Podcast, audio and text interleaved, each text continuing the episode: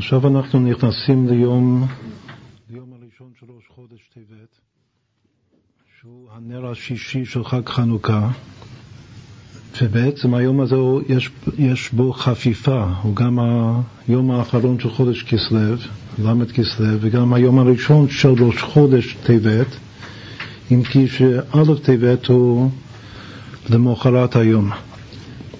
בהמשך השיעורים שלנו בעזרת השם אנחנו גם כן נעשה קשר בין הצבעים לבין החודשים.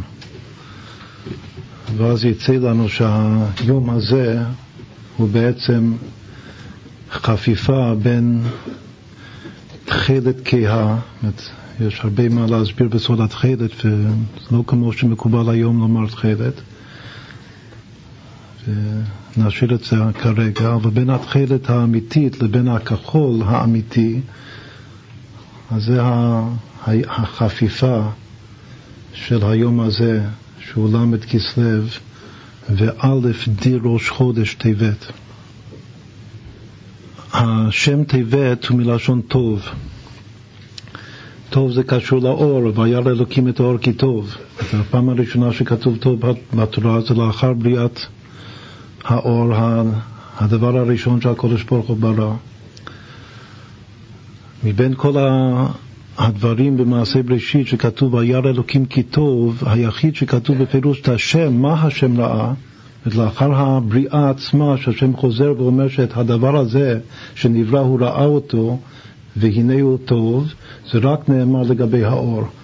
רק באור כתוב וירא אלוקים את האור כי טוב. וכל שאר הפעמים, ויש שבע פעמים, אחד מהסודות של כל השביעין חביבין. וגם אנחנו נסביר בהמשך שיש קשר בין המילה צבע למילה שבע. הרי בעברית הצדיק והשין מתחלפות באותיות השיניים. ו... והניקוד כאן הוא ניקוד שהוא בדיוק אותו הדבר. את צורת המשקל של המילה צבע הוא בדיוק כמו שבע, ובאמת יש כאן התחלפות, אז אנחנו יודעים ש... כל השביעים חביבים, וחוץ מזה שהעולם נברא בשבעה ימים, אז בתוך השישה ימים של מעשה בראשית, ששת ימי המעשה ממש, אז כתוב שבע פעמים טוב. הפעם השביעית זה כבר כולל את כל הבריאה כולה, וירא אלוקים את כל אשר עשה והנה טוב מאוד. ויהי ערב ויהי בוקר יום השישי, שזה כבר כניסה לתוך יום השבת קודש. אז בהחלט הפעם השביעית שכתוב והנה טוב מאוד הוא כנגד יום השבת, אם כי שהוא נאמר בפסוק שלפני יום השבת. אבל סך הכל יש שבע פעמים טוב, ורק הפעם הראשונה כתוב בפירוש בפסוק מהו הטוב. הטוב זה האור, וירא אלוקים את האור כי טוב. ואחר כל בריאה אחרת, שוב כתוב רק וירא אלוקים כי טוב. אז באמת, יש לומר וצריך לומר שכל טוב הוא גוון אחר של אותו אור ראשון שנברא בתחילה ביום הראשון. כמו שנסביר באריכות, כל הצבעים, כל הגוונים יוצאים מהאור הראשון. על האור הראשון כתוב בפירוש טוב, וירא אלוקים את האור כי טוב. יש פירוש ידוע בקבלה שאת האור שווה תרי"ג, הביטוי הראשון בתורה שהוא שווה תרי"ג כנגד כללות מצוות התורה.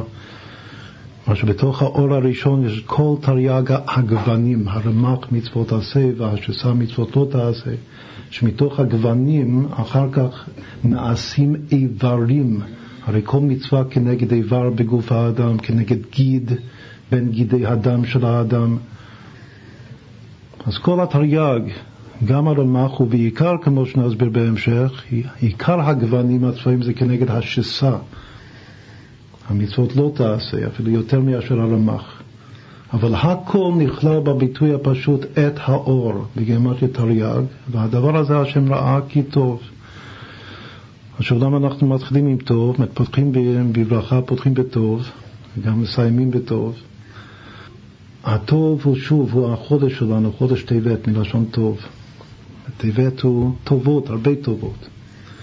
עכשיו, כתוב בקבלה שהמילה טוב הוא החילוף באותיות אטבח של המילה אחד.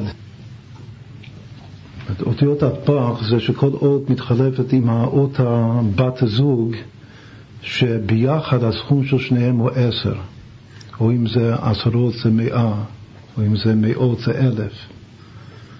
עכשיו אחד, כל האותיות של אחד הן אותיות מ-1 עד 9, למטה מ-10, וא' מתחלפת בט', ח' בב' וד' בו', כמו שכתוב כאן על הלוח. זאת אומרת שאחד מתחלף באותיות טוב, לפי הצירוף מה טוב לו, אוהליך יעקב.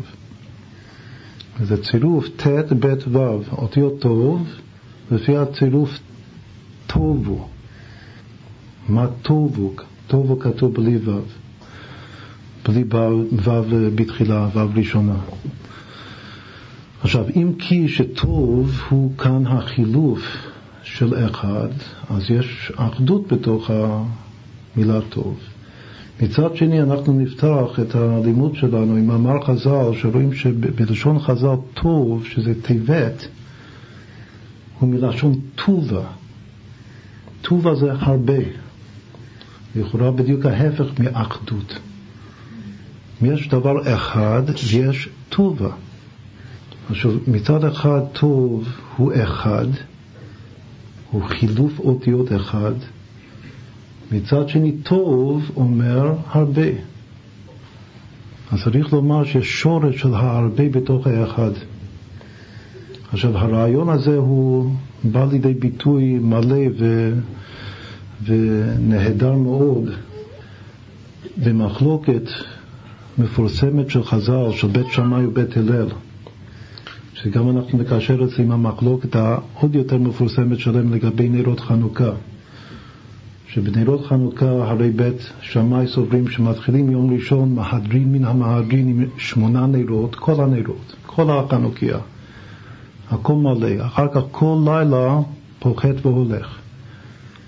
ביום השני שבעה נרות, ביום השלישי שישה נרות, וככה עד שביום האחרון זאת חנוכה הוא מגיע לאחד. כלומר שהסיום, או היעד, לפי ספרת בית שמאי, היעד של חנוכה זה מהרבה נרות לנר אחד. מתחיל מהרבה, מסיים באחד. לפי בית הלל זה הפוך. ספרת בית הלל שמוסיף ההולך ואור, מעלים בקודש ולא מורידים. לכן בלילה הראשון מתחילים עם נר אחד, ובלילה השני שני נרות, וככה על כל לילה עוד נר ועוד נר, עד שמגיעים לשלמות של כל המנורה, כל החנוכיה, שמונה נרות. זאת חנוכה, זאת חנוכת המזבח. עכשיו, יש להם עוד מחלוקת במשנה, במסכת ברכות. בפרק שמיני, ששם יש רוב המחלוקות, במיוחד בעניינים הקשורים לסעודה, בין בית שמאי לבין בית הלל. ואחת המחלוקות שלהם, איך מברכים על הנר, יש לנו כמה נרות ב... בין המצוות, הרי כתוב נר מצווה, יש לנו כמה מצוות של נר. יש נר חנוכה, יש נר שבת, ויש נר שבת ויום טוב, ויש גם נר הבדלה. אז איך מברכים על נר ההבדלה? אז פה יש מחלוקת, כמו שכתוב כאן, כתבנו על הלוח, שבית שמאי אומרים שמברכים שברא מאור האש. ברוך אתה השם אלוקינו מלך העולם שברא מאור האש. בית הלל אומרים, כמו שאנחנו עושים, כידוע שבית שמאי במקום בית הלל אינם משנה, ואנחנו פוסקים כבית הלל, על כל פנים בעולם הזה. כתוב שלעתיד לבוא נפסוק את ההלכה, שמשיח יבוא במהרה בימינו, נפסוק כבר את ההלכה כבית שמאי, וכי מבואר בחסידות שהכוונה שבית הלל בעצמם, אז יפסקו את ההלכה כמו בית שמאי. כלומר שיסכימו לדעת בית שמאי, לעתיד, בביאת המשיח. עכשיו, מה בית הלל אומרים? בורא מאורי האש, כמו שאנחנו אומרים. עכשיו, יש כאן שני שינויים בולטים במחלוקת בין בית שמאי לבין בית הלל בברכת הבדלה, נר הבדלה. קודם כל, באיזה לשון אומרים את הפועל? שבית שמאי אומרים, שאומרים את זה בלשון עבר, שברא. ובית הלל אומרים לו, שאומרים את זה בלשון הווה, בורא. רק מה שהגמרא לומדת, שגם לפי דת בית הלל, בורא הוא גם משמע לשעבר. כמו הפסוק יוצר אור ובורא חושך. אומרים על השם, משבחים את השם שהשם יוצר אור ובורא חושך. מתי הוא עשה את זה? בעבר. הסימן שמה שאומרים בלשון הווה יוצר אור ובורא חושך, הכוונה גם על האהבה. אם כי שוודאי לפי הפנימיות של הדברים, שכתוב בלשון הווה דווקא יוצר אור ובורא חושך, הכוונה שהשם מחדש בטובו בכל יום תמיד מעשה בראשית. אז גם כן בטובו, עכשיו אנחנו נשמע מכאן והלאה בפנימיות שכל פעם שכתוב טוב או בטובו, זה גם משמע הרבה, הרבה גוונים ביחד. אז שוב, קודם כל יש מחלוקת האם אומרים את הפועל בלשון עבר או בלשון הווה. עכשיו לגבי ברכת הפירות, כמו בורא פרי הגפן, בורא מיני מזונות, אין כאן מחלוקת, גם בית שמאי סוברים שאומרים את זה בורא, למה? בגלל שהבריאה היא תמידית, בפירות, אז זה ברור שהצמיחה היא כל פעם מחדש. אבל לגבי האש, לכאורה האש זו בריאה של העבר, לכן דווקא כאן יש את המחלוקת. לא לגבי שאר הברכות שכתוב שם לשון בורא. אז זו המחלוקת הראשונה, האם אומרים שברא, היות שהבריאה הזאת היא לכאורה חד פעמית בעבר, או שאומרים בורא בלשון הווה. שבלשון הווה גם משמע עבר, אבל גם משמע הווה וגם משמע עתיד. כתוב שבמילה בורא בלשון הווה בעצם יש משמעות של כל הזמנים, גם עבר וגם הווה וגם עתיד, אפשר לומר שזה כל הזמנים בתוך ההווה. ההווה בעצמו כולל גם לפניו וגם לאחריו. זו מחלוקת ראשונה. המחלוקת השנייה, האם אומרים את המילה מאור בלשון יחיד או בלשון רבים. שבית שמאי אומר שמאור אומרים את זה יחיד שברא מאור האש. ובית הלל אומרים לא, אומרים את רבים, בורא מאורי האש. עכשיו, לגבי המחלוקת השנייה, כאן העתקתי על הלוח את, ה, את הלשונות של חז"ל בגמרא, שחז"ל אומרים שסברת בית שמאי הוא חדה נהורה איכא בנורה. יש רק מאור אחד בתוך האש. עכשיו, יש כמה וכמה סיבות שאנחנו פותחים עם המאמר הזה, בגלל שיש פה הרבה יסודות והקדמות חשובות לנו. אחד מהם, שאנחנו פה רואים מעין פלא, יש אור ויש מאור.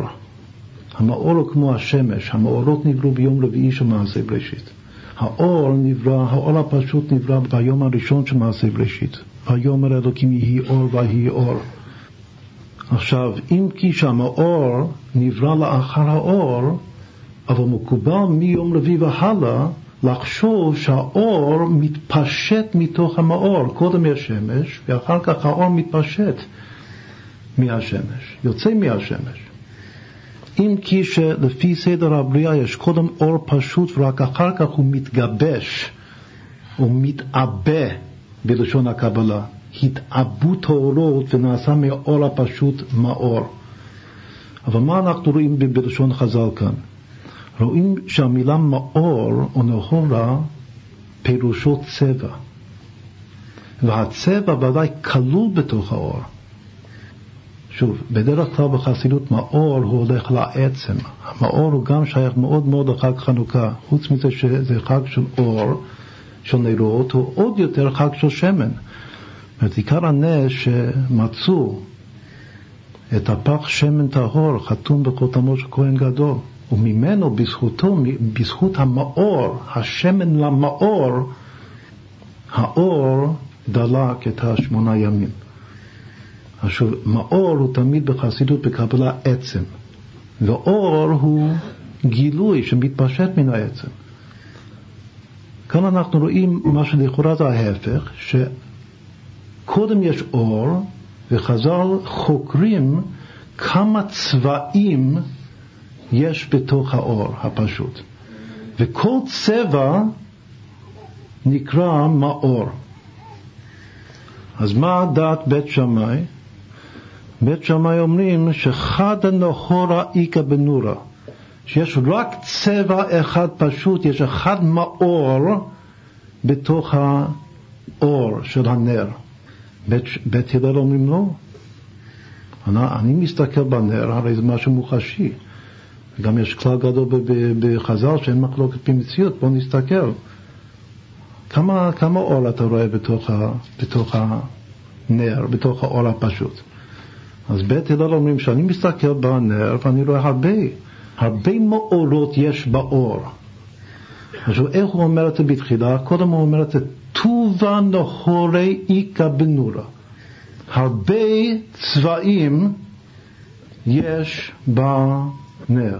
אחרי שאומרים, מבטאים את המחלוקת שלהם, או את שתי הספרות שלהם בלשון ארמית, שקודם אומרים שבית שמאי סוברים חד הנהורה איכא בנורה, מה שאין כן בית הלל סוברים טובה, טובה טוב זה הרבה, טובה נהורי איכא בנורה, אחר כך הגמרא ממשיכה ומסיימת את הסוגיה הקצרה הזאת ואומרת תנן הטם שלמד במקום אחר בלשון המשנה, בלשון הקודש, שלחו להם בית הלל לבית שמאי.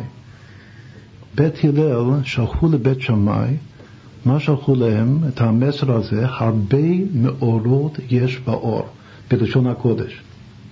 בדיוק ב, בלשון הזה כמו שרשמנו על הלוח. אז קודם, שוב, זה נאמר בלשון הגמרא, שתי ספרות, או חדה נהורה איכא בנורה, או טובה נהוראיק בנורה, אחר כך הסיום של הסוגיה הוא שלחו להם, מתנן הטה, שלחו להם בית הלל ובית שמאי, הרבה מאורות יש באור. בתוך אור אחד יש הרבה מאורות. מאורות זה כמו כוכבים. מסתכלים על אור אחד, רואים בתוך אור אחד, שלהבת אחת, של נר, הרבה כוכבים. כל כוכב הוא צבע. שוב, זה כמו נחזור למעשה בראשית, זה נותן לנו פירוש והבנה הרבה יותר עמוקה, משהו חדש לגמרי לגבי מעשה בראשית. שביום ראשון נברא אור פשוט, אפילו אור גנוז, אחר כך ביום הרביעי, שהוא ההתפשטות, של היום הראשון. לפי הקבלה היום הראשון הוא חסד, ויום הרביעי הוא הנצח, הענף של החסד. הענף שמתפשט מהיום הראשון הוא היום הרביעי של מעשה בראשית. אז ביום הראשון כתוב יהי אור, ביום הרביעי כתוב יהי מאורות. יהי אור זה לשון יחיד, יהי מאורות זה לשון רבים. בין המאורות יש שניים, שני המאורות הגדולים, השמש והירח, החמה והלבנה, שנסביר אותם, נדבר עליהם הרבה בהמשך. אבל ביחד עם הלבנה, עם הירח, גם נבראו את הכוכבים כתוב, הרבה כוכבים, הרבה משרתים לירח. עכשיו, אפילו בתקופה החדשה של המדע, ממש, מה שנקרא היום מדע מודרני, עד לביאת המשיח, שאז נקבל עוד יותר מדע מודרני. לעת עתה, אז אפילו במדע, בתחילה, אנחנו לא כל כך אוהבים להזכיר את השמות של אותם גויים שהמציאו את, ה, את ההמצאות שלהם, אבל בכל אופן קשה להימלט מזה, במיוחד שאנחנו רוצים לחקור לעומק בשיעורים שלנו. אז יש כמה שכן נזכיר אותם, אחד מהם זה נוטון, והוא בעצם הראשון ש... שצעד את הצד הראשון קדימה בהבנת האור והצבע. אפשר לומר שזה בעצם התגלית או הדבר הראשון שהוא עשה בחיים שלו. בהיותו צעיר מאוד, בגיל 23 בערך, אז הוא גילה את התגלית החשובה הראשונה שלו בחיים ביחס לאור וצבע, כמו שתכף נסביר את זה. שזה ממש קשור עם המחלוקת כאן, השורש שלו בקודש, זה נובע בפירוש מהמחלוקת כאן בחז"ל בין בית שמאי לבין בית הלל. האם יש אור אחד או צבע אחד באור, או שיש הרבה צבעים, הרבה מאורות בתוך האור. עכשיו, אותו נוטון בעצמו, הוא סבר, הוא, הוא נחשב מדען עם שכל, הוא סבר שיש קשר ישיר בין הצבעים לבין הכוכבים.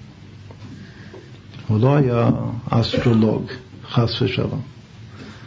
אבל בכל אופן הוא סבר שני דברים, הוא סבר שיש קשר ישיר, one-to-one correspondence, בין הצבעים לבין כוכבי הלכת ודאי. ושנית, הוא סבר שהצבעים הם כנגד הטונים, הצדדים של הסולם, של המוזיקה. נוטון סבר שיש קשר ישיר ושוב one to one correspondence בין הגוונים, השבעה גוונים, אמרנו שצבע בעברית זה לשון שבע, והוא סבר שיש שבעה, שאני רואה את הספקטרום של הצבעים, אז יש שבעה, הוא הראשון שאמר בפירוש שיש כאן, הוא זיהה שבעה צבעים, שזה כמו השבע פעמים טוב במעשה בראשית, שטוב זה טובה, ואיזה טובה? זה טובה נהורי איכא בנורה, הרבה מאורות יש באור הפשוט. אז זה רק אמרנו כאן בהתחלה, שהמאורות, הצבעים, זה קשור באמת עם המאורות של יום רביעי של מעשה בראשית, שנבראו השמש והירח והכוכבים. אז שוב, אז מה יוצא? יוצא שיש משהו עצם נחזור לחסידות, שכתוב ששמן למאור, מאור זה עצם לגבי אור, אור זה רק הגילוי, התפשטות מן העצם. אבל יש משהו עצמי שחוזר להופיע בצבע שהוא רק חלק, מימד של האור, אבל חוזר, במימד הזה שנקרא צבע, צבעים והרבה צבעים, טובה נהורי, הרבה צבעים, לא רק צבע אחד, לפי בית הלל, כך אנחנו פוסקים. אז שוב, יש משהו עצמי בצבע שאין אפילו באור. אם כי שהייתי סובר על פי מידות, אנחנו גם נצטרך להרבה, לדבר הרבה אודות הקשר הפסיכולוגי בין הצבעים לבין המידות של הנפש. אז בכלל המושג צבע זה דבוש, זה משהו חיצוני, זה אפילו יכול להיות צבוע מלשון צפיות. כלומר דבר לא אמיתי, העמדת פנים לא על פי אמת בכלל. זאת אם אנחנו לומדים על צבע, אז צבע זה, בנפש זה אמור להיות תיקון הצביעות. שהאדם לא יעמיד פנים של שקר, של חנופה. הסימן שצבע מאוד נותן את עצמו לחיצניוס. איך אומרים את המילה הזאת בחסידות חיצניוס? שאדם צבוע. אבל יש משהו עצמי בדבר הזה, צבע, שלכן הצבע נקרא מאור, שהוא כמו השמן עצמו, המאור שבתוך האור. ושהוא אם לא, הסוגיה הזאת כאן בגמר היא סוגיה קצרה מאוד, וזה מאוד מאוד יוצא דופן שלאחר שאומרים סברה בלשון התלמוד, אחר כך יש עוד פעם ברייתא וחוזרים לומר את זה פעם שנייה בלשון המשנה. זה דבר נדיר ביותר.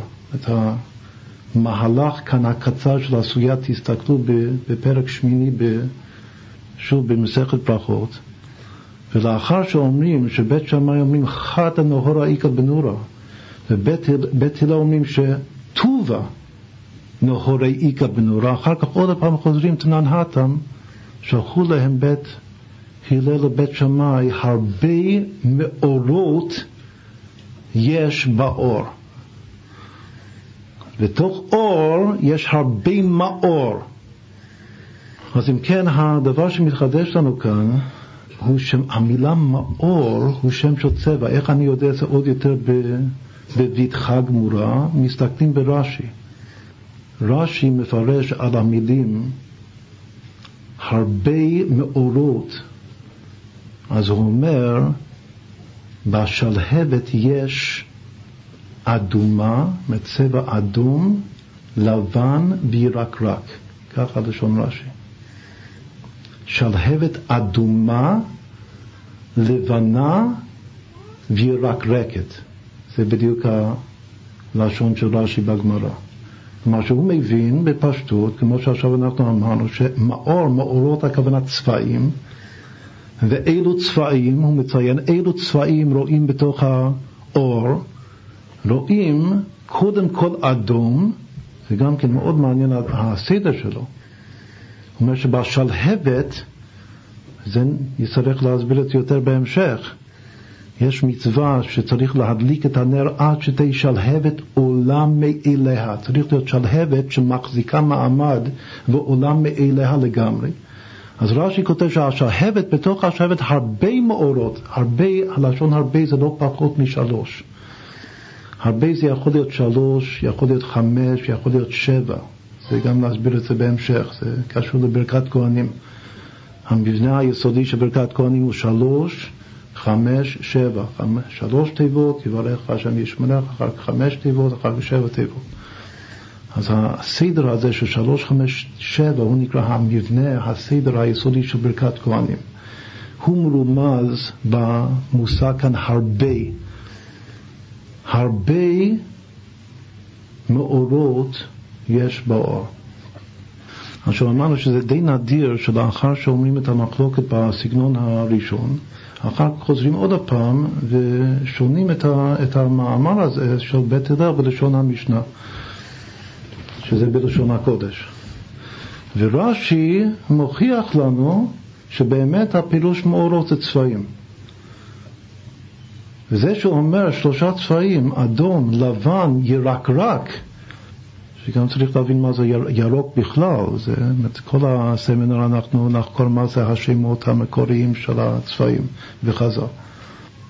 אז איזה מין סדר זה? זה כאילו שקודם אדום, אחר כך לבן, ורק אחר כך ירקרק. זה גם כן סדר משונה. או שנתחיל מלבן, שזה הצבע הפשוט לכאורה, או שאם נתחיל מאדום, שזה הצבע הצבוע ביותר, סתם צבע בלשון חז"ל זה אדום, סתם להיות צבוע זה להיות אדום, אז אם זה מתחיל מאדום, אז רש"י היה צריך לומר אדום ירק רק לבן. או ההפך, לבן ירק רק אדום. איזה מין סדר זה אדום, לבן ירק רק. שזה צריך אה, להשאיר את זה בתור שאלה, זה הלשון המדויק של, של רש"י. ויש עוד מילה, עין. עין בתורה הוא צבע. הוא גם מעיין, הוא גם צבע. אז צבע זה גם מאור וגם עין וגם גון.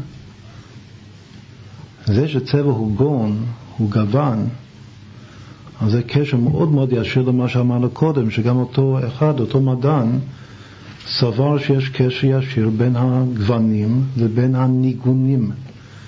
אתגון זה גם מלשון לנגן. בין הצבע לבין הטונים של הסולם של המוזיקה. אז אם כן, גם כן, לא כאן אני רק עכשיו אומרים כל מיני uh, מילות הקדמה, אבל אחד מהדברים הוא שיש לנו כבר ארבעה לשונות נרדפים של צבע. צבע, גוון, עין וגם מאור. החידוש הכי גדול זה המילה הזאת מאור. הרבה מאורות יש באור. עכשיו, הפסוק בשיר השירים אומר, עינייך זה תואר של הקלה, גם כן נסביר בהמשך שאור וצבע זה כמו חתן וכלה. החתן הוא האור והצבע הקלה. אז הקלה, החתן משבח את הקלה שלו בשיר השירים שהוא קודש קודשים, והוא אומר, עינייך בריחות בחשבון. עכשיו, עינייך זה גם העיניים, כפשוטן, וזה גם הצבעים. עינייך זה גם הצבעים שלה. מה, מה הפשט? למה עין הוא גם כן שם נרדף לצבע? בגלל שכל עין של בן אדם, כל אחד יש לו צבע אחר בפנים. את מסביב לבת עין, הצבעים הם הגוונים השונים של העיניים של בני האדם. הזוהר הקדוש מפרש את, ה, את המילה שבת, שבת קודש, ששבת זה שין בת, בת זה בת עין, בת עין, הבת עין הוא שחור, שמשם, מהשחור שבעין, הבת עין, מבהיק האור. זאת אומרת, האור יוצא מן החושך, כי יתרון האור מן החושך. את האור של העין מבהיק, לפי המדע הוא מקבל את הקרני אור דרך הבת עין. לפי הסוד יש גם כן הקרנה שהוא מקרין אור דרך העיניים, שפעם למדנו על זה באריכות כאן במקום הזה, שלא נחזור על זה הפעם הזאת. אבל איך שלא יהיה, האור עובר דרך השחור. אבל מסביב לשחור יש גוון. כל אחד עם הגוון שלו, וכשלומדים את הסוד של הצבעים בקבלה, בדרך כלל מקשרים את זה באמת עם, הגוון, עם הגוונים של העין, של כל אחד ואחד. עכשיו, מסביב לגוון הזה יש הלובן, ובתוך הלובן יש אודם, בגלל שיש גם גידי דם שנראים בתוך הלובן. לכן הארי והזוהר מפרשים ששבת שין זה עתא דאבהן, אות האבות, אברהם, יצחק ויעקב, שם החסד גבורה תפארת. שעל פי פשט בגוונים זה לבן, אדום וירוק. ירוק, הכוונה כל צבע ביניים. בלשון חז"ל ירוק הוא יכול להיות מה שאנחנו קוראים ירוק, שאם רוצים לדייק, הירוק שלנו נקרא ירוק כקרטי, כמו צמח של ירוק חזק. אבל ירוק זה גם יכול להיות צהוב, מה שאנחנו קוראים צהוב חזק. להפך, סתם ירוק, שחז"ל אומרים ירוק סתם, הכוונה צהוב. זה ירוק כקרקום או ירוק כחלמון של ביצה. אבל בעצם לפעמים ירוק משמש כל צבע אחר חוץ מאדום. עוד פעם, אדום הוא הצבע, הצבע, בה"א הידיעה. וכל מה שהוא לא אדום הוא ירוק, או שהוא לבן. אז אם כן, יש בעין, השין, הגימל אבות זה האות שין, עם הגימל ראשים, זה נקרא גימל ראשי בתי האבות. גם בזוהר הקדוש, הוא מפרש את המילה הראשונה של התורה, בראשית, הוא מחלק את זה לשתי מילים, בת ראשי. לפעמים קוראים את זה בת ראשי, אבל בדרך כלל בזוהר קוראים את זה בת ראשי, ראשי בתי אבות. שהבת הוא הבת עין השחור, המלכות, והראשי מטות הלבן והאדום והירוק. אז עוד פעם, מה יש בעין לפי זה? בעין יש לבן, זאת הוא מוקף לבן זה כמו האור האינסוף מסביב, הסובב כל המין. בתוך העין מה שסובב הוא הלבן. אבל בתוך הלבן יש חוטי אדום. זה נקרא גבורה, צמצום, כוח הצמצום בתוך הלבן. עכשיו, בתוך הלבן והאדום יש ירוק, כלומר שכל צבע, מה שלא יהיה, הצבע של העין, הוא נקרא ירוק. אם זה כחול, אם זה חום, מה שלא יהיה זה נקרא ירוק. אם זה גם ירוק, יש גם עיניים ירוקות, כתוב בקבלה מה זה ירוק, מה זה כחול, אבל כולם הם הצבע השלישי כנגד מי? כנגד יעקב. את הלבן זה כנגד אברהם. האדום כנגד יצחק, הצבע, כל אחד עם הצבע של העין שלו, זו בחינת יעקב. הבת עין, השחור, דוד. זה נקרא המרכבה שבתוך העין. יש אברהם, יצחק, יעקב ודוד. האור מבהיק דרך דוד, כמו משיח בן דוד. האור זה אורו של מלך משיח. שהוא צאצאה, הוא יוצא מדוד, מהשחור, מהבת עין. וכל זה זה סוד שבת, שין בת. עכשיו מה אמרנו כן? אמרנו ש... שבשיר השירים החתן משבח את הכלה עינייך, בריחות בחשבון. אז אמרנו שעיניים זה גם עיניים כפשוטו, וזה גם כל הגוונים. את כל סוד הגוונים, הצבעים, זה הכל נקרא עינייך. ועינייך בריכות בחשבון, זה רמז שמדברים דווקא על גוונים ועיניים, אז צריך לעשות הרבה חשבונות. שכמה שיותר חשבונות, ככה ממש, ממשיכים הרבה ברכות. עינייך בריכות, מלשון ברכות. אז אם רוצים להמשיך הרבה ברכות דרך הצבעים, גם צריך להשתמש בהרבה חשבונות. עינייך בריכות בחשבון. אז זה גם כן הקדמה, שדווקא בסמינר הזה, בעזרת השם, נעשה הרבה גמטריות. בגלל שגם גם נשים לב שאם כי שהנושא שלנו הוא מדעי ואנחנו ננסה לעשות את זה כמה שיותר מדעי גם כן, ו... לכלול בזה הרבה הרבה אה, ממצאים של המדע. בכל אופן, אולי יותר מכל נושא אחר, הנושא הזה הוא קשור מאוד מאוד ל...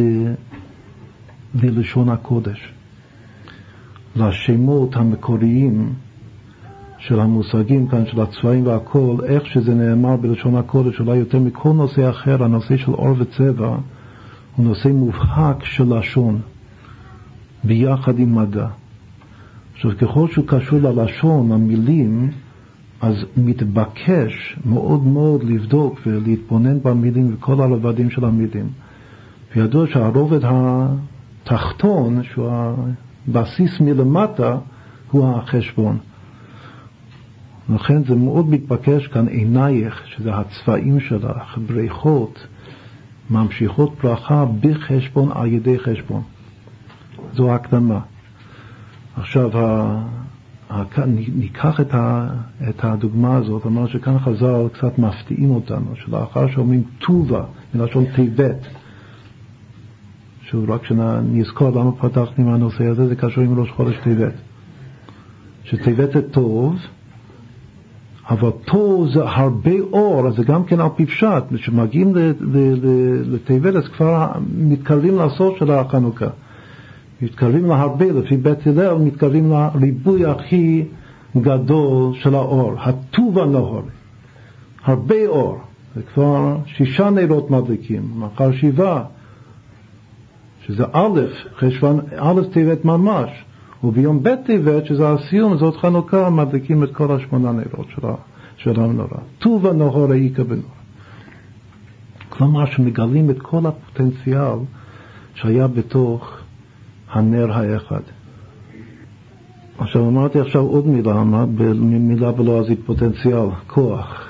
ידוע כלל גדול בין בית שמאי לבין בית הלל, שזה אחד מהיסודות של המחלוקות שלהם בכל הש"ס, בכל מקום שבית שמאי סוברים אזלינן בתר בכוח, הולכים אחרי המצב כמו שהוא בכוח, ובית הלל סוברים הפוך, אז לינן בתר בפועל, שהולכים, כלומר שפוסקים את ההלכה, מתחשבים במציאות כמו שהיא בפועל, לא המציאות כמו שהיא בכוח.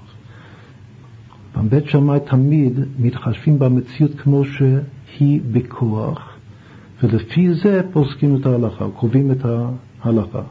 כלומר שקובעים את המציאות כפי שהמציאות בכוח. מה שאין כן בית הלל קובעים את המציאות גם להלכה כפי שהמציאות היא בפועל, לא בכוח.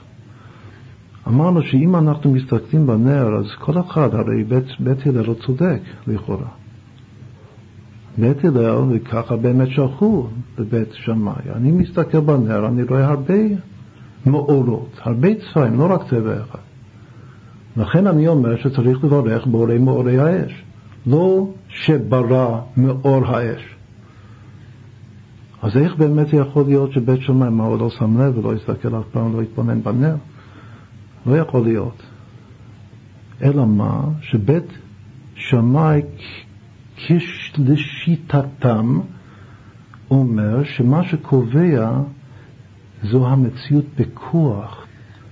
ומה שבכוח הוא גם כן מה שהיה, והוא גם מה שיהיה. עכשיו נסביר כאן את הנקודה הזאת יותר לעומק. נחזור לאותו מדען שהוא הראשון שהתחיל לפתח את התיאוריה של אור וצבע במדע של ימינו. אז הוא עשה שוב בגיל 23, זה גם כן מאוד משמעותי, בגיל זיו, את המספר אולי הכי משחק כאן, אחד מהמספרים הכי חשובים לנושא שלנו, המספר 23. זיו, אור הוא שווה תשע פעמים זיו. 23 זה המספר הראשוני של האור. 23 הוא מספר ראשוני, כן, המספר הראשוני העשירי. מבין המספרים הראשוניים העשירי יהיה קודש, הוא 23. תשע פעמים 23 שווה אור. אם אני אקח את כל ארבע המילים שאמרנו קודם, השמות הנרדפים של צבע, שהם צבע, עין, גון ומאור, אז אני אמצא שביחד נחבר אותם, זה לא כתבתי כאן על הלוח, יצא 23 פעמים הוויה. ארבע המילים, השמות הנרדפים של צבע, כפי שאמרנו קודם, מאור, עין, צבע וגון, שווים בדיוק 23 פעמים 26. 26 הוא שם הוויה. מה הוא עשה? מה הייתה הדעה הרווחת לפניו? השאלה שמי הקדמונים היוונים, שהיום החג הזה הוא הניצחון של תורת ישראל נגד תורת יוון, היוונים הקדומים בין היתר סברו שצבע היא תכונה איכותית שבתוך החפץ נושא הצבע. כלומר שאם המחברת הזאת אדומה, האדום נמצא כאן, האדום הוא כאן, הוא בתוך החפץ, בתוך הגשם. עוד יותר סברו, ידעו שאם מקרינים קרן של אור דרך פריזם של זכוכית, אז הוא מתפרד, נעשה הפרדת צבעים ורואים את כל גווני הקשת דרך הפריזם. איפה הצבעים האלה נמצאים? חשבו, וזה כתוב, יש אפילו ספרי מחקר של עם ישראל, זה גם כתוב בפירוש, היה נדמה, זה שזה היה נדמה, אולי יש בזה משהו, אבל לפי המדע של היום זה מופרך, אבל סברו שהצבע נמצא בתוך הזכוכית. בשביל מה צריך האור? רק לגלות אותו, כמו קריסטל. יש איזה קריסטל. הצבע, הצבעים הם שם, בתוך הקריסטל. וכשמקרינים על זה אור, האור הוא פשוט, אין צבעים בתוך האור. אבל האור הוא מעורר את הצבע שהוא מקרין, הוא מגלה את הצבע שנמצא בתוך הקריסטל. עכשיו אפילו מי שלא למד, היום זה, זה דוגמה מצוינת איך שה... הנחות, הנחות היסוד של המדע כל כך חודרים לתוך התודעה של האנשים, של הדור, שאיך שפעם סבלו זה נשמע מצחיק. מצחיק זה גם דבר טוב. צחוק צחוק, אבל זה גם דבר חשוב. בכל אופן, מי הראשון שהפריך את התיאוריה הזאת? אותו אחד נותן, הוא הפריך את זה. איך הוא הפריך את זה? איך הוא הפריך שהצבע, יש, יש ששואלים שאלה כזאת, האם האבטיח אדום לפני שפותחים אותו. אז שוב פעם חשבו שבהחלט, ודאי שזה אדום לפני שפותחים אותו. פרוסייס, מה זאת אומרת? אבל היום יודעים שזה לא, שזה אין לו שום צבע. לפני, שפות, לפני שהאור נופל עליו, לפני שהוא סופג, זה סוד הסופגניה של חנוכה, לפני שהוא סופג מה שהוא צריך לספוג, ולפני שהוא מחזיר מה צריך להחזיר, שכל זה אנחנו נדבר על זה באריכות בהמשך בעזרת השם, אז אין בו שום צבע. יש לו בכוח, לפי המבנה הכימי והקריסטל של כל מתכת וכל חומר, אז ודאי הוא נכון, הוא מוכן ומזומן לספוג ממדים מסוימים של האור ולהחזיר כאור חוזר מחזיר. מה שהוא מחזיר זה האור, זה הצבע שמתקבל לעיניים שלנו. אבל לא שהצבע היה בתוכו. בדיוק להפך. אם רוצים לדייק לפי המדע של היום, מה שנמצא בתוכו זה כל מה שלא רואים. את כל הצבעים חוץ מהאדום, את האבטיח שפותחים אותו האדום, אז משהו בעצם בעצמו זה כל הגוונים חוץ מהאדום. זה מה שנמצא בתוכו. והאדום זה מה שמחזיר, זה נקרא אור חוזר. אז עוד פעם, פעם חשבו שאם האבטיח אדום, אז גם לפני שפותחים אותו האדום, והאדום הזה זה בתוכו. אותו דבר הפריזם. חשבו שכל הגוונים, כל הספקטרום, הוא נמצא בכוח בתוך הפריזם. אז מי, מי הראשון שהפריך את זה? אותו אחד. ואיך הוא עשה? על ידי ניסוי, את כל השיטה המודרנית זה לעשות, את להוכיח דברים על ידי ניסוי. הוא לקח פריזם אחד, ודרך הפריזם הוא העביר קרן של אור פשוט. ובאמת הוא נפרד כדרכו לכל שבעת גווני הקשת, אבל אחר כך הוא החכים לקחת עוד פריזם הפוך, ואז כל מה שנפתח אצלו, כל הגוונים, הכל חזר להיות אור אחד פשוט. ובניסוי הפשוט הזה, ועוד כמה ניסויים שלא נאריך להסביר אותם, אז הוא הוכיח שבעצם הגוונים היו בתוך האור. והגוונים יצאו מהאור, ואחר כך חזרו לאור. עכשיו, בעצם מה שהוא עשה, הוא עשה כמו הציור כאן, למטה בלוח. הוא לקח דבר אחד פשוט, והוא הפריד אותו, זאת הוא עשה שהוא יתחלק לשבע, ואחר כך הוא הראה איך שכל השבע חוזרים להיות אחד, להיות אור אחד פשוט. זו הייתה הוכחה בשבילו שהריבוי הטובה הוא בתוך האחד. הוא לא טובה בתוך הפריזם, בתוך האמצעי. יש באמת אמצעי שמגלה את הטובה, את ההרבה. אבל כל ההרבה היו הכל בתוך האור הפשוט. זה מזכיר לנו המון דברים בחסידות בקבלה. קודם כל זה מזכיר לנו את ההמשך עין ב' של הרבי הרש"ב, ששם הוא מחדש את העניין של שורש האורות.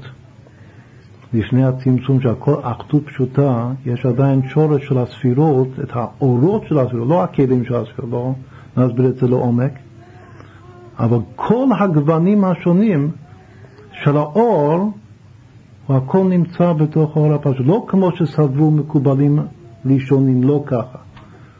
שאין את שורש הגוונים בתוך האור הפשוט. עכשיו, הניסוי הזה שלוקחים קרן של אור פשוט והוא נפרד לשבעה גוונים. ואחר כך עושים את ההפוך וכל השבעה גוונים חוזרים להיות אור לבן פשוט, אור השמש, אור היום הבהיר הפשוט. זה מזכיר לנו עוד דבר, מזכיר את הפסוק אני ראשון ואני אחרון, ומבלעדיי אין אלוקים. שהזוהר אומר, ומבלעדיי אין אלוקים באמציאותה, באמצע. אני ראשון לפני בריאת העולם, לפני הצמצום הראשון. אני האחרון לאחר סוף כל השיט אלפי שנים דהבי עלמא. בסוף כל העולם. אבל גם ומבלעדיי אין אלוקים באמצע, גם בהווה באמצע, שרואים הרבה גוונים, תדעו שאין אלוקים, שהכל זה אחד. נכון, ככה הפסוק אומר בישעיהו בנביא, אני ראשון ואני אחרון, ומבלעדיי עכשיו באמצע אין אלוקים, רק הוואי הוא האלוקים. מתי מכוונים את הפסוק הזה? שאומרים שמע ישראל השם אלוקינו השם אחד. כתוב השם אלוקינו השם. ואחר כך אומרים לך שהכל זה אחד. כתוב שהשם הראשון זה נקרא אני ראשון. אני זה שם הוויה, אני הוויה, לא שניתי. אחר כך יש שם שני, אבל באמצע יש אלוקינו. האלוקינו באמצע זה ומבלעדיי אין אלוקים. עוד פעם, שאומרים את השמע ישראל, הייחוד, ייחוד העילה, שמע ישראל, הוויה אלוקינו, הוויה אחד, אז הוויה זה אני ראשון. וההוואי השני לאחר אלוקינו זה אני האחרון. ומבלעדיי אין אלוקים באמצעיתא, באמצע, שזה ההווה, ההווה זה האמצע. עכשיו נחזור לבית שמאי ובית הלל. בית שמאי הוא רוצה להרגיש ולבטא בברכה את האני ראשון, וממילא מה שהיה הוא שיהיה גם את האני האחרון. עוד פעם, למה זה ככה? בגלל שבית שמאי מחפשים את הבכוח, את המצב כמו שהוא בפוטנציאל. מה שאין כן בית הלל מחפשים את הבפועל, הבאמצעיתא, המצב באמצע. יש עוד מחלוקת בין בית שמאי ובית הלל לגבי שבת, האם צריך לקנות באמצע השבוע כל דבר לכבוד שבת, או שאומרים ברוך השם יום יום. שכל דבר קונים אותו כדי ל... לקיים את ה... כל מעשיך יהיו לשם שמיים ובכל דרכיך דיו גם היום, ברוך השם יום יום, שיבוא ערב שבת אז גם כן נמצא משהו טוב, עוד יותר טוב, הכי טוב בשביל שבת. אבל לא צריך לשמור כל הדברים הטובים לשבת. ככה סובר בית הלל, ברוך השם יום יום. בית שמאי אומרים לא, זכור את יום השבת לקדשו, צריך לזכור אותו מתחילת השבוע, לזכור רק את היד. עכשיו, היד, אני ראשון זה כמו השבת שעברה, אני אחרון זה כמו השבת הבאה. ומבלעדיי אין אלוקים זה ששת ימי המעשה שבאמצע. אז שוב רואים שבית הלל הוא חי את הבפועל, אז זינבתה בפועל, חי את הבפועל, וממילא הוא חי את הטוב הנהורה איכא בנורה. את הרבה מאורות יש באור, את, את המצב של ההתפשטות. לכן גם כן הוא סובר שהיעד של החנוכה, חג חנוכה זה להגיע להכי הרבה אורות. כמה פעמים משמע בקבלה של עתיד לבוא, שניסו כמו בית שמאי, ועל פי פשט יש רק שמונה ימי חנוכה. אז ניסו כמו בית שמאי זה להתחיל עם שמונה, כמו שבית שמאי אומרים, וכל יום פוחת והולך, עד שביום השמיני מצטמצמים וחוזרים לאחד. אבל יש דרך, דרך תיאורטית, לחבר את שניהם ביחד, שזה לעשות כמו שאנחנו עושים, מהיום הראשון עד יום השמיני, מ-1 עד 8, ואחר כך, אחרי שמגיעים לזאת חנוכה, אז נתחיל לחזור מ-8 ל-7. יש סברה שאומרים שהיות שהגענו למספר 8 שהוא אין סוף, אז עכשיו הוא הולך מעצמו, זה נקרא מסה קריטי במדע. הגענו למסה קריטי שהשמונה עכשיו מתגלגל עד אינסוף ממש. לכן השמונה הוא מסמל את האינסוף, הוא המסה הקריטי להגיע לאינסוף. זה הפשט. אבל אם רוצים לחבר את שתי הדעות של בית הלל ובית שמאי בזה אחר זה, אז פשוט נעשה כמו שעושים היום, מ-1 עד 8, אחר כך, היום שלמחרת הנר השמיני, נחזור לשבע וכך הלאה, אז יהיה לנו חג של חמישה עשר יום, של שלוש, חמש, שבע.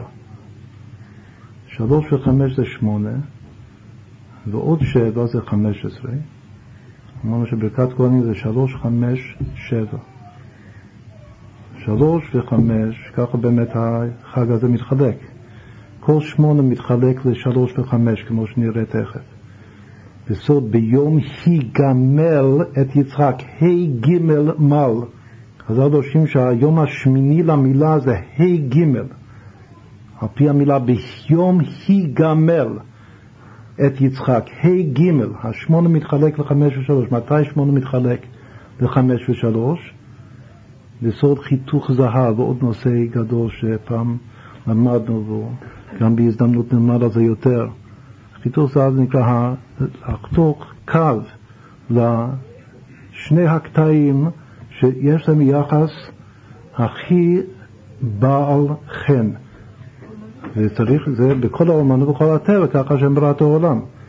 אין כאן המקום להאריך בזה, אבל החיתוך הזה האידיאלי הוא לקחת את שמונה ולחתוך אותו לחמש ושלוש. תכף נראה דוגמה של החיתוך הזהב הזה. זה גם קשור עם המילה משיח. משיח כותבים אותו במספרים שלוש, חמש, שמונה. שלוש מאות חמישים ושמונה. מה זה אומר? זה אומר שלוש זה כמו נוסחה, כמו צופן. שלוש פלוס חמש שווה שמונה.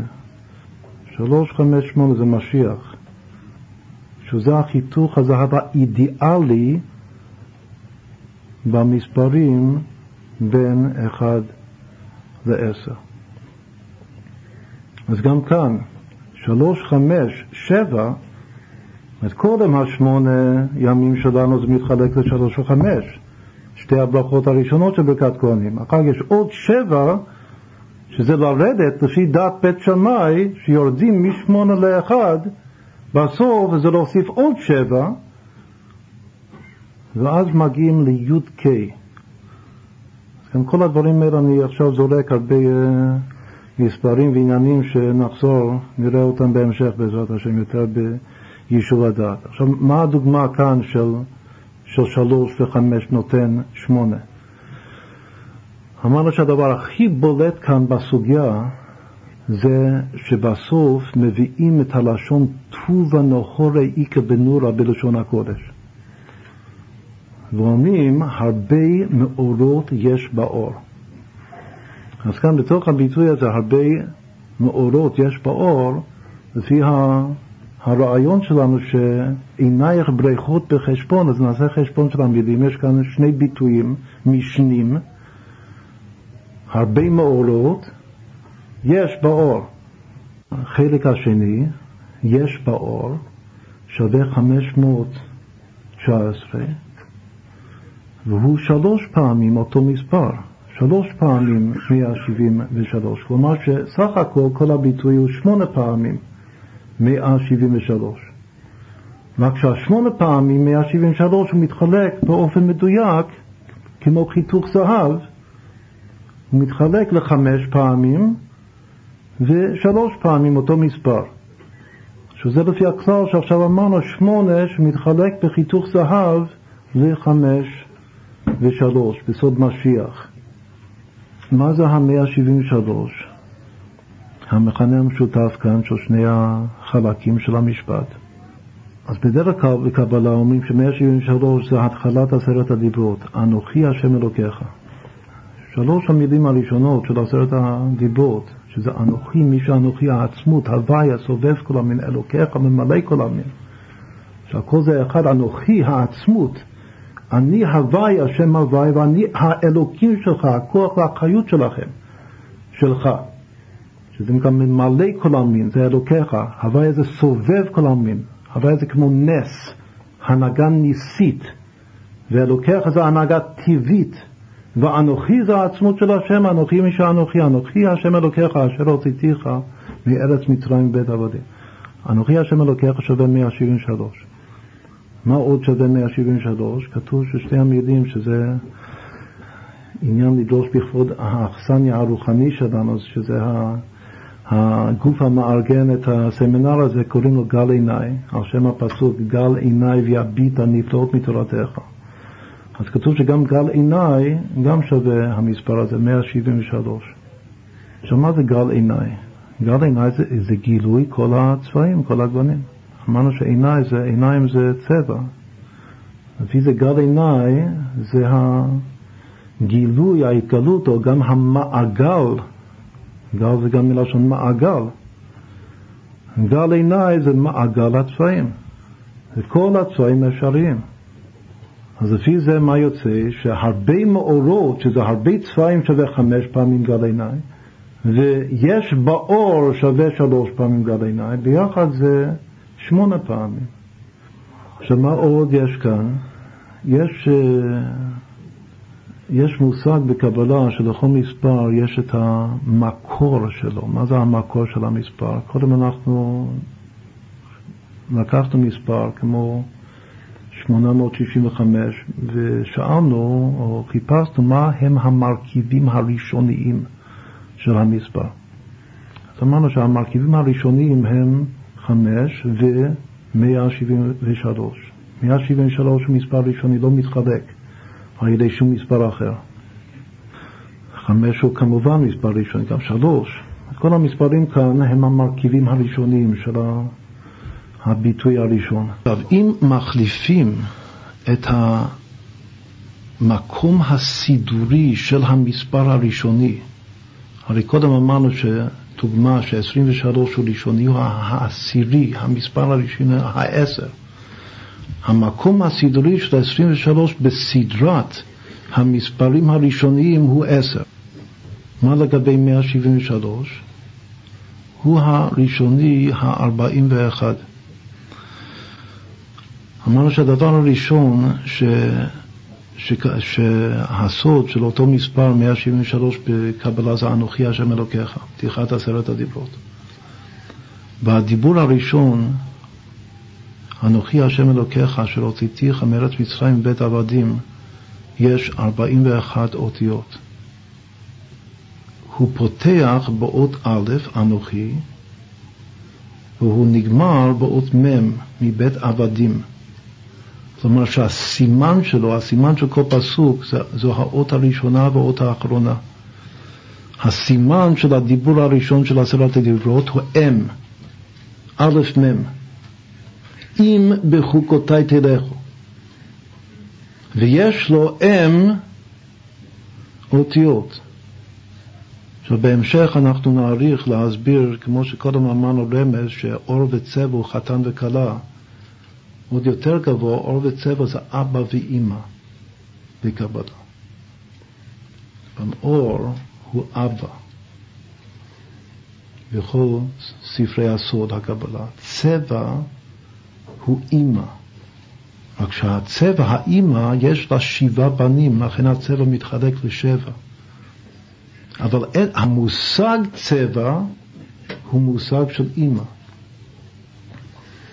עכשיו, הדיבור הראשון של עשרת הדיברות, אנוכי השם אלוקיך, יש שם אם אותיות, הסימן של הפסוק הוא אם, א' מ', הביטוי הראשון שלו, אנוכי השם אלוקיך, הוא המספר הראשוני האם.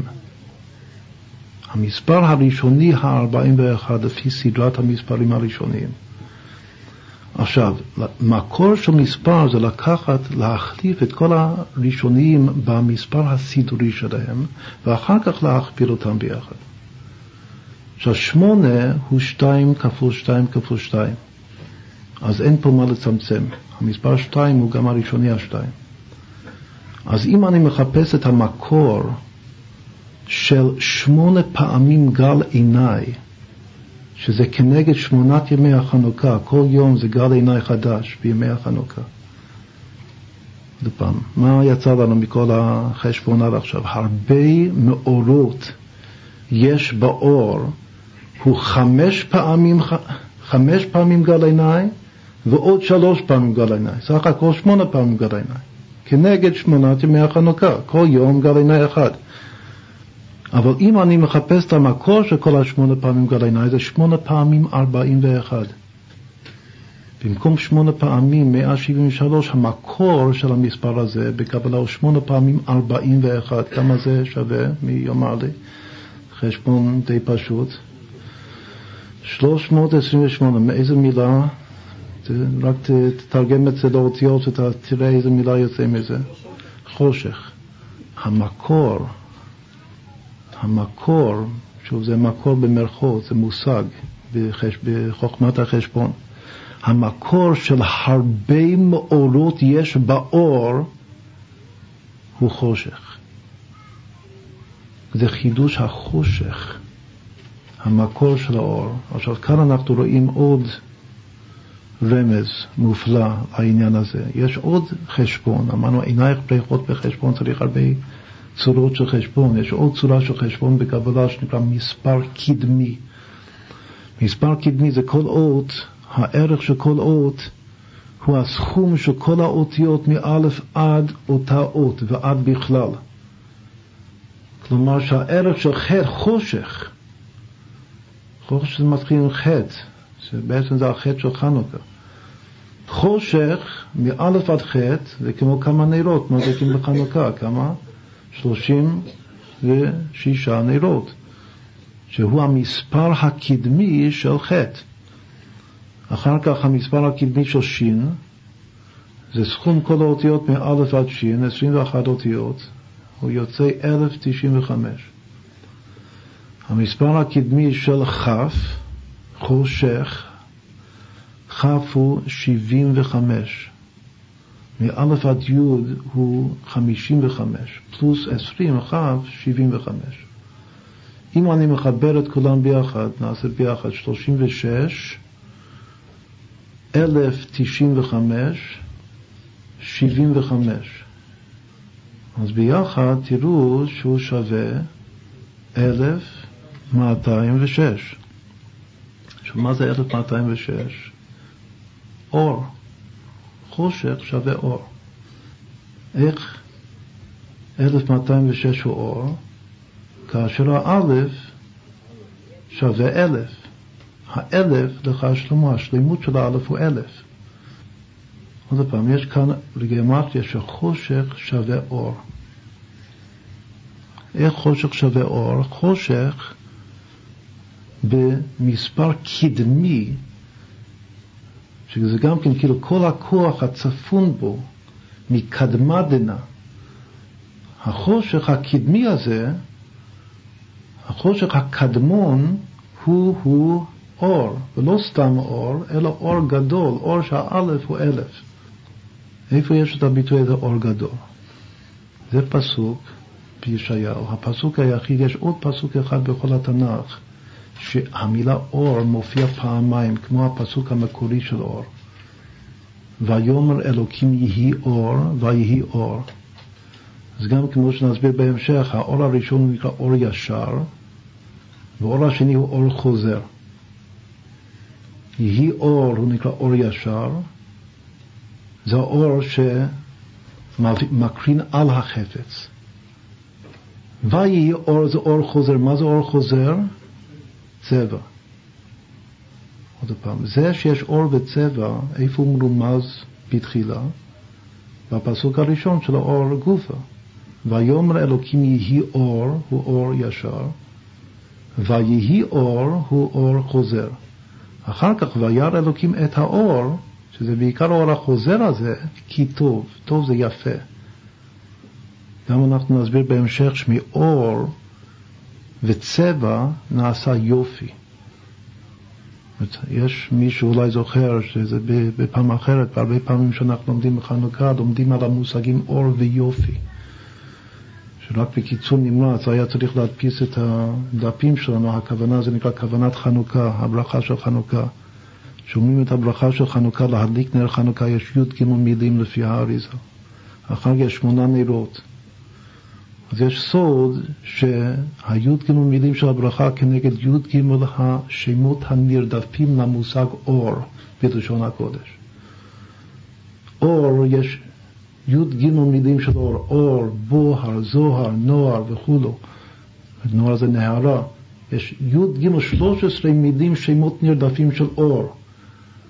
למשל היום זה יום השישי זה צוהר. צוהר תעשה לתיבה. למושג יופי יש שמונה, שמונה מילים נרדפ, נרדפות של יופי, שהם שפר ויופי וטוב, טובת מראה. אמרנו זה לשון טוב, יש כמה דברים בטוב. טוב זה, זה גם טוב מוסרי, טוב לעומת רע, זה גם יפה וזה גם הרבה, טובה. עכשיו הפשט, וירא אלוקים את האור כי טוב, זה כבר לאחר האור והצבע, שרואים אותו, אז זה כבר יופי. עוד פעם, בדרך כלל אנחנו מסבירים את הסוד של חנוכה, שחנוכה הברכה זה כנגד האורות, והנרות הם היופי. עכשיו, בפעם הזאת, בשיעורים שלנו בימים האלה, אז אנחנו מסבירים שבעצם יש ממוצע בין אור פשוט לבין יופי, שזה צבע. עוד דבר חשוב מאוד. זו הקדמה מאוד מאוד חשובה, שנסביר את זה יותר בהמשך השיעורים. המושג צבע הוא ממוצע בתורה בין המושג אור פשוט לבין המושג יופי. ובעצם של, שלושתם, שלושת המושגים מרומזים בשלוש פעמים הראשונות של אור בתורה. הכל במילה אור. ויאמר אלוקים יהי אור, זה האור הפשוט, זה נקרא אור ישר. ויהי אור, זה כבר אור חוזר שהוא צבע, בחינת צבע. וירא אלוקים את האור כי טוב, זה כבר יופי. פעם יש אור וצבע ויופי. עכשיו, לפני האור והצבע והיופי, יש חושך. יש עוד מילה שעוד לא הזכרנו, חשמל. שחשמל זה חושך ואור ביחד. חש זה לשון חושך, ומל זה לשון מול גילוי אור. העלם וגילוי. באמת בזוהר, אולי השיעור הבא אנחנו נתחיל ממאמר הזוהר, שהזוהר אומר שקודם, בתחילת הבריאה היה קודם כל חשמל. אחר כך מתוך החשמל יצא אור, אור לבן. ואחר כך אור אדום. יש זוהר מאוד מאוד חשוב, שקודם כל יש חשמל. אחר כך מתוך החשמל יוצא אור לבן, ואחר כך אור אדום. עכשיו, החשמל הוא בעצמו נשיאת ההפכים של חושך ואור. החש הוא ההיעלם והמל הגילוי, כלומר שהחש הוא החושך לכן חושך הוא גם מתחיל חש. הוא שותק, הוא בחשאי. שמן למאור, למה השמן הוא מאור? בגלל ששמן הוא בחשאי, למה מאור זה קשור לחושך דווקא? אמרנו שמאור זה צבע, וצבע זה חושך שחוזר לאחר האור הפשוט. מה הרמז? כתוב שמן בחשאי. השמן נוזל בחשאי, יין עושה קול שמוזגים אותו. לכן הוא גם כן מעורר קול, אבל שמן הוא נמזג בחשאי, שמן זית זך. כל דבר שהוא בחשאי הוא בחינת חושך. הוא לא מגלה את עצמו, הוא הצנע לכת. עוד פעם, שמן שהוא הולך, הוא הולך בצניעות. זה נקרא הצנע לכת, שמן בחשאי. חנוכה זה חג השמן. יין שהוא הולך, כלומר שמהלכים אותו, מוליכים אותו, מוזגים אותו, אז הוא עושה קול. לכן גם כששותים אותו הוא שר. אין אומרים שירה אלא על היין. זה נקרא בחינת הלוויים המשוררים. הלוי הוא בחינת יין בגלל שהוא שר, הוא עושה קול. והכהן, הוא עושה את העבודה שלו בחשאי ורעות הדלי באור השמן. לכן חג חנוכה זה חג של כהנים. ואת הנס הניצחון היה על ידי הכהנים. וגם השמן, איפה השמן הטהור היה נמצא? בחותם, חתום בחותמו של כהן גדול, של מתתיהו, הכהן הגדול. אז זה הכל נקרא חשאי, שזה בחינת חושך, שקדם לאור. אבל הוא חוזר להופיע בצבע. ואחר כך יש עוד שילוב, שזה עוד שלב, שהוא יופי. עכשיו שוב, אז מה זהו, אמרנו, מה פתחנו? אמרנו שיש רק עוד פסוק אחד בכל התנ"ך. יש רק עוד פסוק אחד שהמילה אור מופיעה פעמיים באותו פסוק. היות שיש אך ורק פסוק אחד בכל התורה, שאור כתוב פעמיים, חוץ מהפסוק הראשון, אז ודאי וודאי הפסוק השני הוא בא לפרש, כמו כל, הפסוק השני לא כתוב בחומש, הוא כתוב בנביא. כתוב שכל דברי הנביאים זה פירוש לדברי תורה. אז הכל בא לפרש את התורה. מה הפסוק הזה שכתוב פעמיים אור, שזה אחד מהפסוקים שמכוונים אותנו לחג חנוכה? העם ההולכים בחושך ראו אור גדול, יושבי בארץ צלמוות, אור נגע עליהם. עכשיו, באופן הכי מובהק, הפסוק הזה הוא מפרט, זו דוגמה, זו דוגמה יפהפייה, איך שפסוק בנביא בעצם הוא פירוש של פסוק מקורי בתורה. בתורה כתוב, ויאמר אלוקים יהי אור, ויהי אור. מה הרקע של הפסוק הזה? הרקע שלו הוא חושך, קודם היה חושך, בריש חשוכה. והדר נאורה, כבריאתו של עולם, זה מאמר חז"ל. נסביר את זה יותר בהמשך. אז. אז כאן אותו הדבר, העם, זה הולך על אנחנו, עם ישראל, והארץ, הארץ זה גם כינוי לעם ישראל. והארץ הייתה טובה וחושך. העם הולכים בחושך. ראו אור גדול, פתאום ראו אור גדול. מה זה אור גדול? אור גדול זה אור שהוא לא שווה רק 207, אור שהוא שווה 1206. זה אור גדול, בגלל שהאלף הוא גדול כאן, הוא לא אחד או אלף. מי זוכה לאור גדול? מי שהלך בחושך. כי יתרון האור מן החושך. כלומר שהאור בעצמו שיוצא מהחושך הוא 1206, לא רק 207. אז כתוב, העם הולכים בחושך ראו אור גדול, אחר כך מה ההמשך? יושבי בארץ צלמוות, זה גם חוזר לאותו פסוק. מה זה כתוב בחושך על פני תהום? מה זה תהום? כתוב בקבלה שתהום זה אותיות המוות, זה צלמוות. התהום זה המצולה. אמרנו שתהום זה מצולה, ותהום זה אותיות המוות. אז התהום זה צלמוות. אז כתוב יושבי בארץ צלמוות, שזה שוב מרמז לפסוק הקודם, והארץ, הארץ הזאת, הייתה תוהו ובוהו וחושך על פני תהום, אור נגע עליהם. מה זה אור נגע? יש עוד פסוק שכתוב אור נוגה. נוגה זה גם כן אחת מהלשונות, מהי"ג שמות נרדפים של אור, הוא החמישי. הוא היה אתמול, הכוונה של אתמול בחנוכה.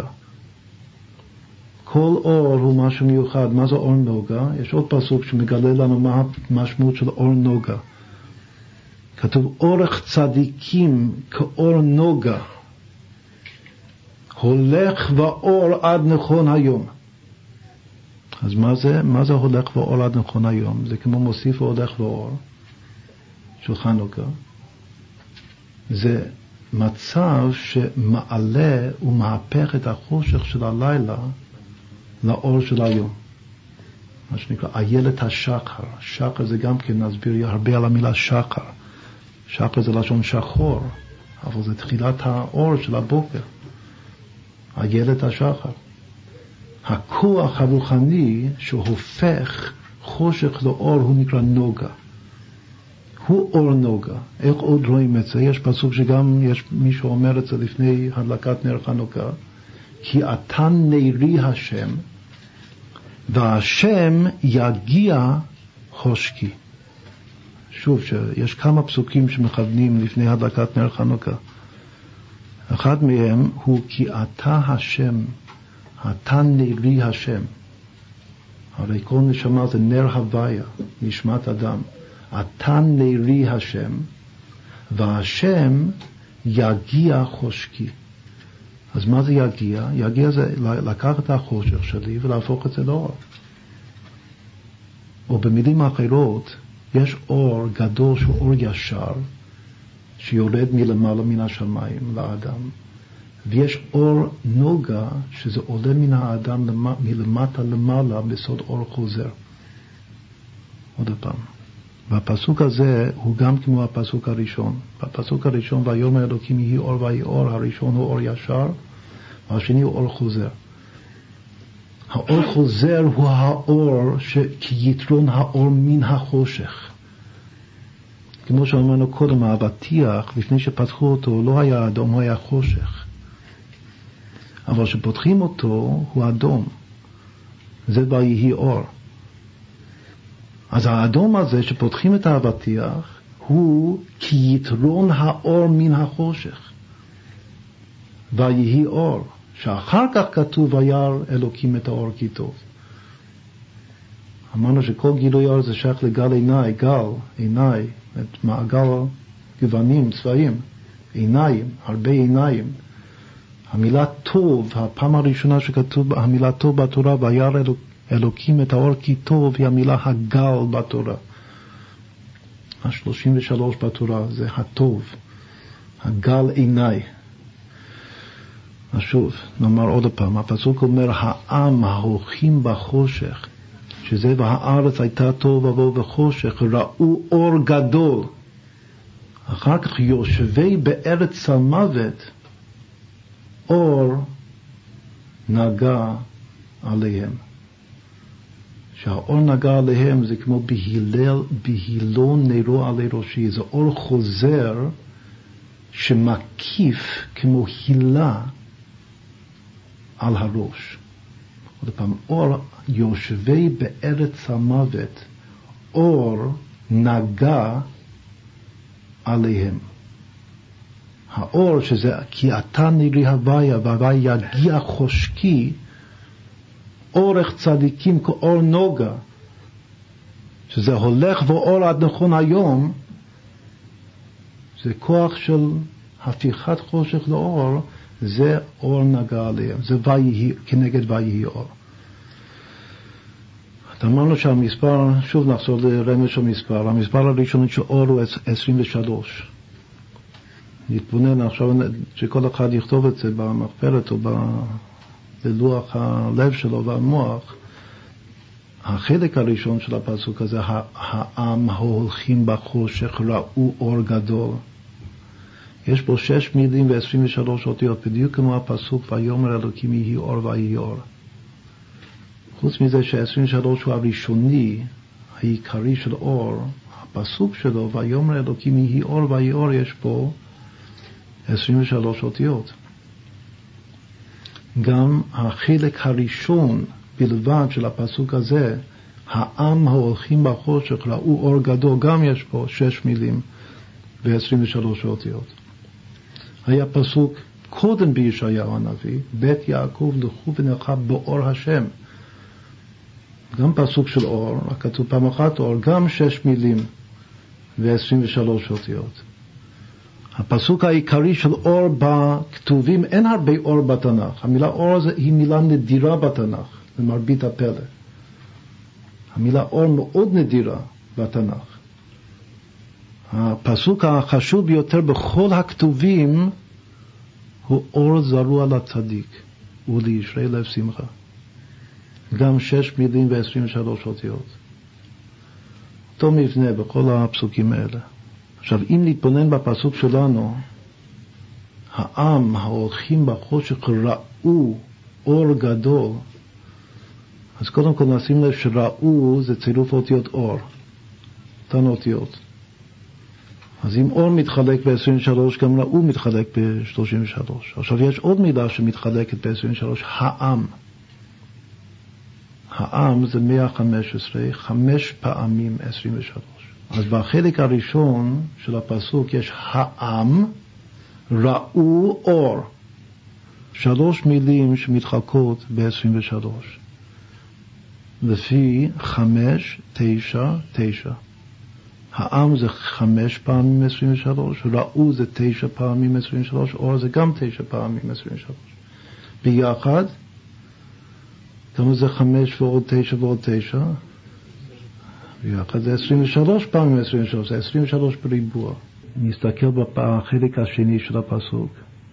יושבי בארץ המוות, אור נגע עליהם.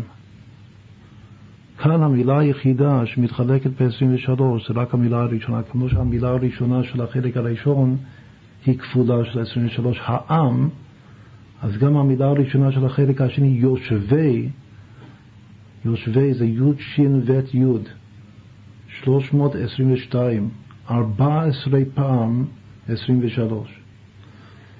אז מה מתחלק בחלק השני ב-23? יושבי ואור. אור זה תשע פעם, אז כמה זה 14 ותשע? בדיוק אותו דבר. אז יש 23 בריבוע בחלק השני, ובעצם העם ראו הוא שווה יושבי. החלק השני זה יושבי בארץ צמוות, אור נגע להם עוד פעם. יש פה משוואה מאוד מאוד יפהפייה של בכל חלק משני חלקי הפסוק 23 זיו בריבוע. עכשיו, הפסוק הזה הוא אמור להיות הבן זוג, כפי שאמרנו, הפסוק היחיד שכתוב אור פעמיים בפסוק אחד כמו הפסוק יהי אור ויהי אור, ואם כן ההתבוננות שזה בדיוק מקביל. שהחלק הראשון של הפסוק הוא בדיוק כנגד היהיור שזה אור ישר, והחלק השני הוא אור חוזר. שבעצם אור חוזר הוא כבר בסוד צבע. עכשיו, נסיים את השיעור הזה, הראשון שאמרנו שכאן זה בעיקר הקדמות. הקדמות שיש מספרים ויש עוד הרבה מספרים, צריך להיות uh, מוכנים למספרים. נעשה רק עוד הקדמה מאוד מאוד חשובה, שנאריך בזה בהמשך בעזרת השם. המילה צבע. את אור, אמרנו שגם אור היא מילה נדירה. אבל המילה צבע, על אחת כמה וכמה, שהיא מילה נדירה מאוד. אמרנו שיש כמה שמות נרדפים, כמו גון זה לא בתנ"ך, עין זה כן בתנ"ך, עין במובן של צבע הוא נדיר, וכמובן שהמאור, המילה מאור מופיע, אבל מאור במובן של צבע הוא דווקא כאן במאמר חז"ל, הרבה מאורות יש באור. צבע, אבל המילה הזאת צבע, שאמרנו צבע קשורים, המילה שכן היא מאוד מאוד רווחת בתורה זה שבע כמובן. שבע זה אולי המספר והמושג הכי אהוב בתורה. אז שבע יש המון, הרבה שבע. אפילו בפרשת השבוע של חנוכה, מקטע, זה, זה מלא שבע, שבע שנים, שבע פרות, שבע שיברה, הכל זה שבע. אבל צבע, אין צבע בחומש. בהמשך אנחנו נסביר כמה, ארבע פעמים בלבד שיש צבע בתנ"ך, בכל התנ"ך. אבל מהשורש הזה צבע יש כן מילה אחת, שהיא די נפוצה, היא, לא, היא די שכיחה, היא לא נדירה לגמרי. וזה שמוסיפים למילה צבע א' בהתחלה, אצבע. ששוב, לפי רוב הדעות של, ה, של הלשון, אצבע זה משורש צבע. מה הפסוק הכי חשוב של אצבע? אצבע אלוקים. ואיזו מכה? במכת קינים. מכת קינים זה כנגד ספירת ההוד, המכה השלישית. כמו שנסביר, צבע, אמרנו שהשורש של המושג צבע זה באימא, בבינה, אבל היות שבינה עד הוד התפשטת, לכן גם כן הצבע מתרכז בלב במידת ההוד. המושג צבע. המושג צבע הוא מתחיל בספירת הבינה, אימא, אבל הריכוז שלו בלב הוא בהוד. המכה שכנגד ההוד הוא מכת קינים, ורק אגב הוד זה היופי של היום, של הנר השישי של חנוכה.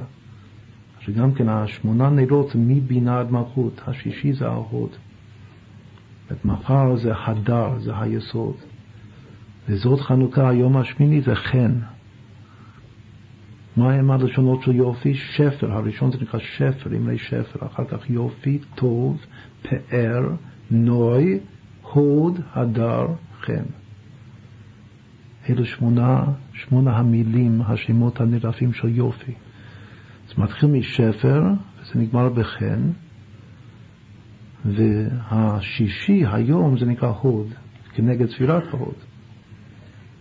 עכשיו, יש משהו בהוד שהוא מרכז את הצבעים בלב. ושם במכת ההוד, שזה מכת הכלים, כתוב הביטוי הזה המפורסם, אצבע אלוקים.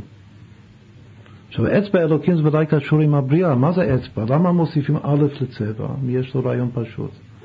למה בתורה אין צבע בפני עצמו? יש רק א' לפני צבע, מצורף לצבע, ואז יש מילה אצבע. ושוב, מה זה אצבע? אצבע זה כמי שמצביע. אצבע זה הצבעה. אצבע זה, זה זיהוי. צריך להצביע על המלך. כמו שגם עושים הצבעה. בצבע זה להצביע, זה נקרא שהעם בוחר את המלך.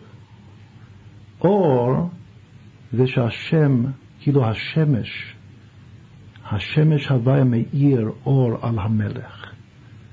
לפעמים יש משיח, כמו שהרבי אמר, צריך לזהות את המשיח. האור זה שהשם מזהה את המשיח. כמו שיש הרבה סיפורים בתנ"ך, שפתאום השמיים נפתחים וקרן אור יורד על המיועד. האור שהוא אור ישר זה שהשם מצביע על המשיח, שזהו מלך המשיח. מה זה צבע? צבע זה שמצביעים, עושים בחירות. זה נקרא מלכותו ורצון קיבלו עליהם, שהעם מצביע. כמו שאמרנו קודם, שאור זה אור ישר, סתם אור. וצבע זה אור חוזר. עכשיו צבע זה הצבעה. עכשיו שם כתוב אצבע, אז למה באמת יש א' לפני צבע? מה, איזה א'? א' של איזו מילה? זאת א', אז אור. פעם האצבע, המילה אצבע זה הרכב, זה נקרא מעשים מרכבה. של אור וצבע. רק שאור זה רק ראשי תיבות, והצבע הוא בשלמותו. עכשיו, אם זה כבר ראשי תיבות, אור צבע, אז אולי בצבע גופה. עכשיו, זה שהוא זה רק רמז, שנרחיב את זה בשיעורים הבאים בעזרת השם. לפי המדע, לפי ההסבר היום של תורת הצבעים, צבע מורכב משלושה מימדים, שבאנגלית זה hue ו-brightness ו-saturation. brightness גם קוראים לזה value. יש הצבע ויש הבהירות, ויש ה-saturation, גם קוראים לזה intensity, עוצמה. עוד פעם, כל תורת הצבע היום, שצבע מורכב משלושה מימדים, הצבע, את איזה צבע זה אדום או כחול או ירוק, כמה לבן יש בזה, זה נקרא הבהירות, ה-value. כמה הצבע בולט ובעל עוצמה ולא דומה לאפור, לא אפרורי. זה נקרא saturation או intensity. והמילה בעברית זו עוצמה. כמה הצבע בעוצמתו. וזה שלושה מימדים שונים. עוד פעם, מציירים את זה כמו שנראה את זה בהמשך, מציירים את זה ממש כמו space, את מרחב של שלושה מימדים, כדי להצביע, אמרנו שצבע זה זיהוי, זה להצביע.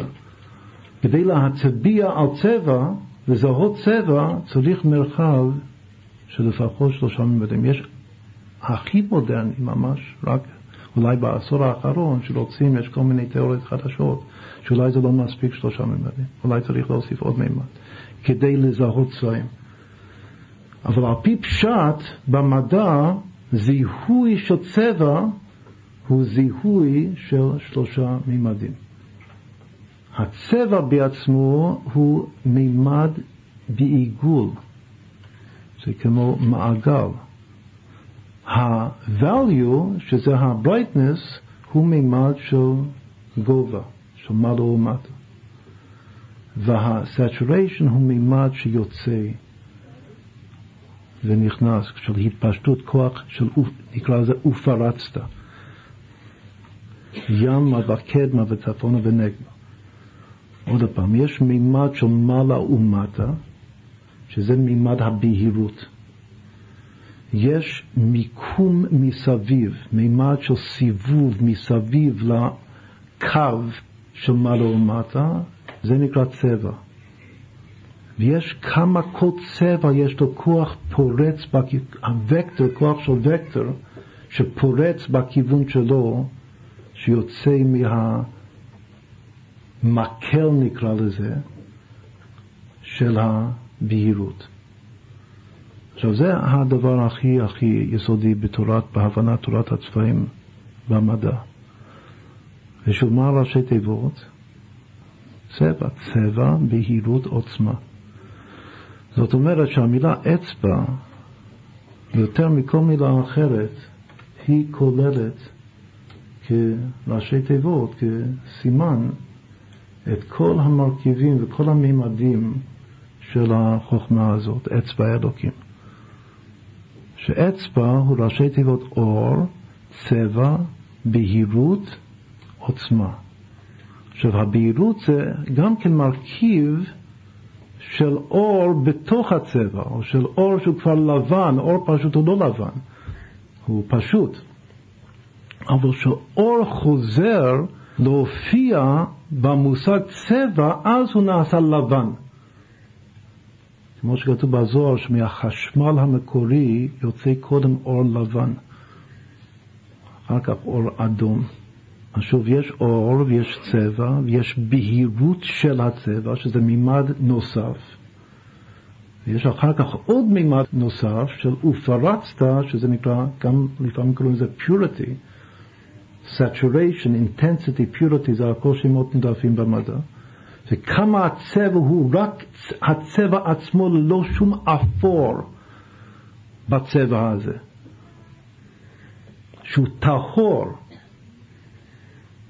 טהור ועוצמה זה אותו עניין כאן, וזה שוב, זה כוח שמציירים את זה בתלת מימדים, אז הציור הוא וקטור שיוצא מה, מהקו המקורי, מתפשט במרחב. כמו לדלת רוחות העולם, אם הקו הראשון הוא מעלה ומטה, אז העוצמה זה היכולת לפרוץ לדלת רוחות העולם. אבל האוריינטציה, שזה המעגל, שזה עוד מימד מסביב לקו, הוא הצבע עצמו, הוא נקרא מעגל הצבעים. עכשיו, כל צבע בטהרתו, בעוצמתו, מופיע במקום אחר בקו הראשוני יותר גבוה, כלומר צהוב טהור שפורץ הוא יותר בהיר מאשר כחול טהור שפורץ.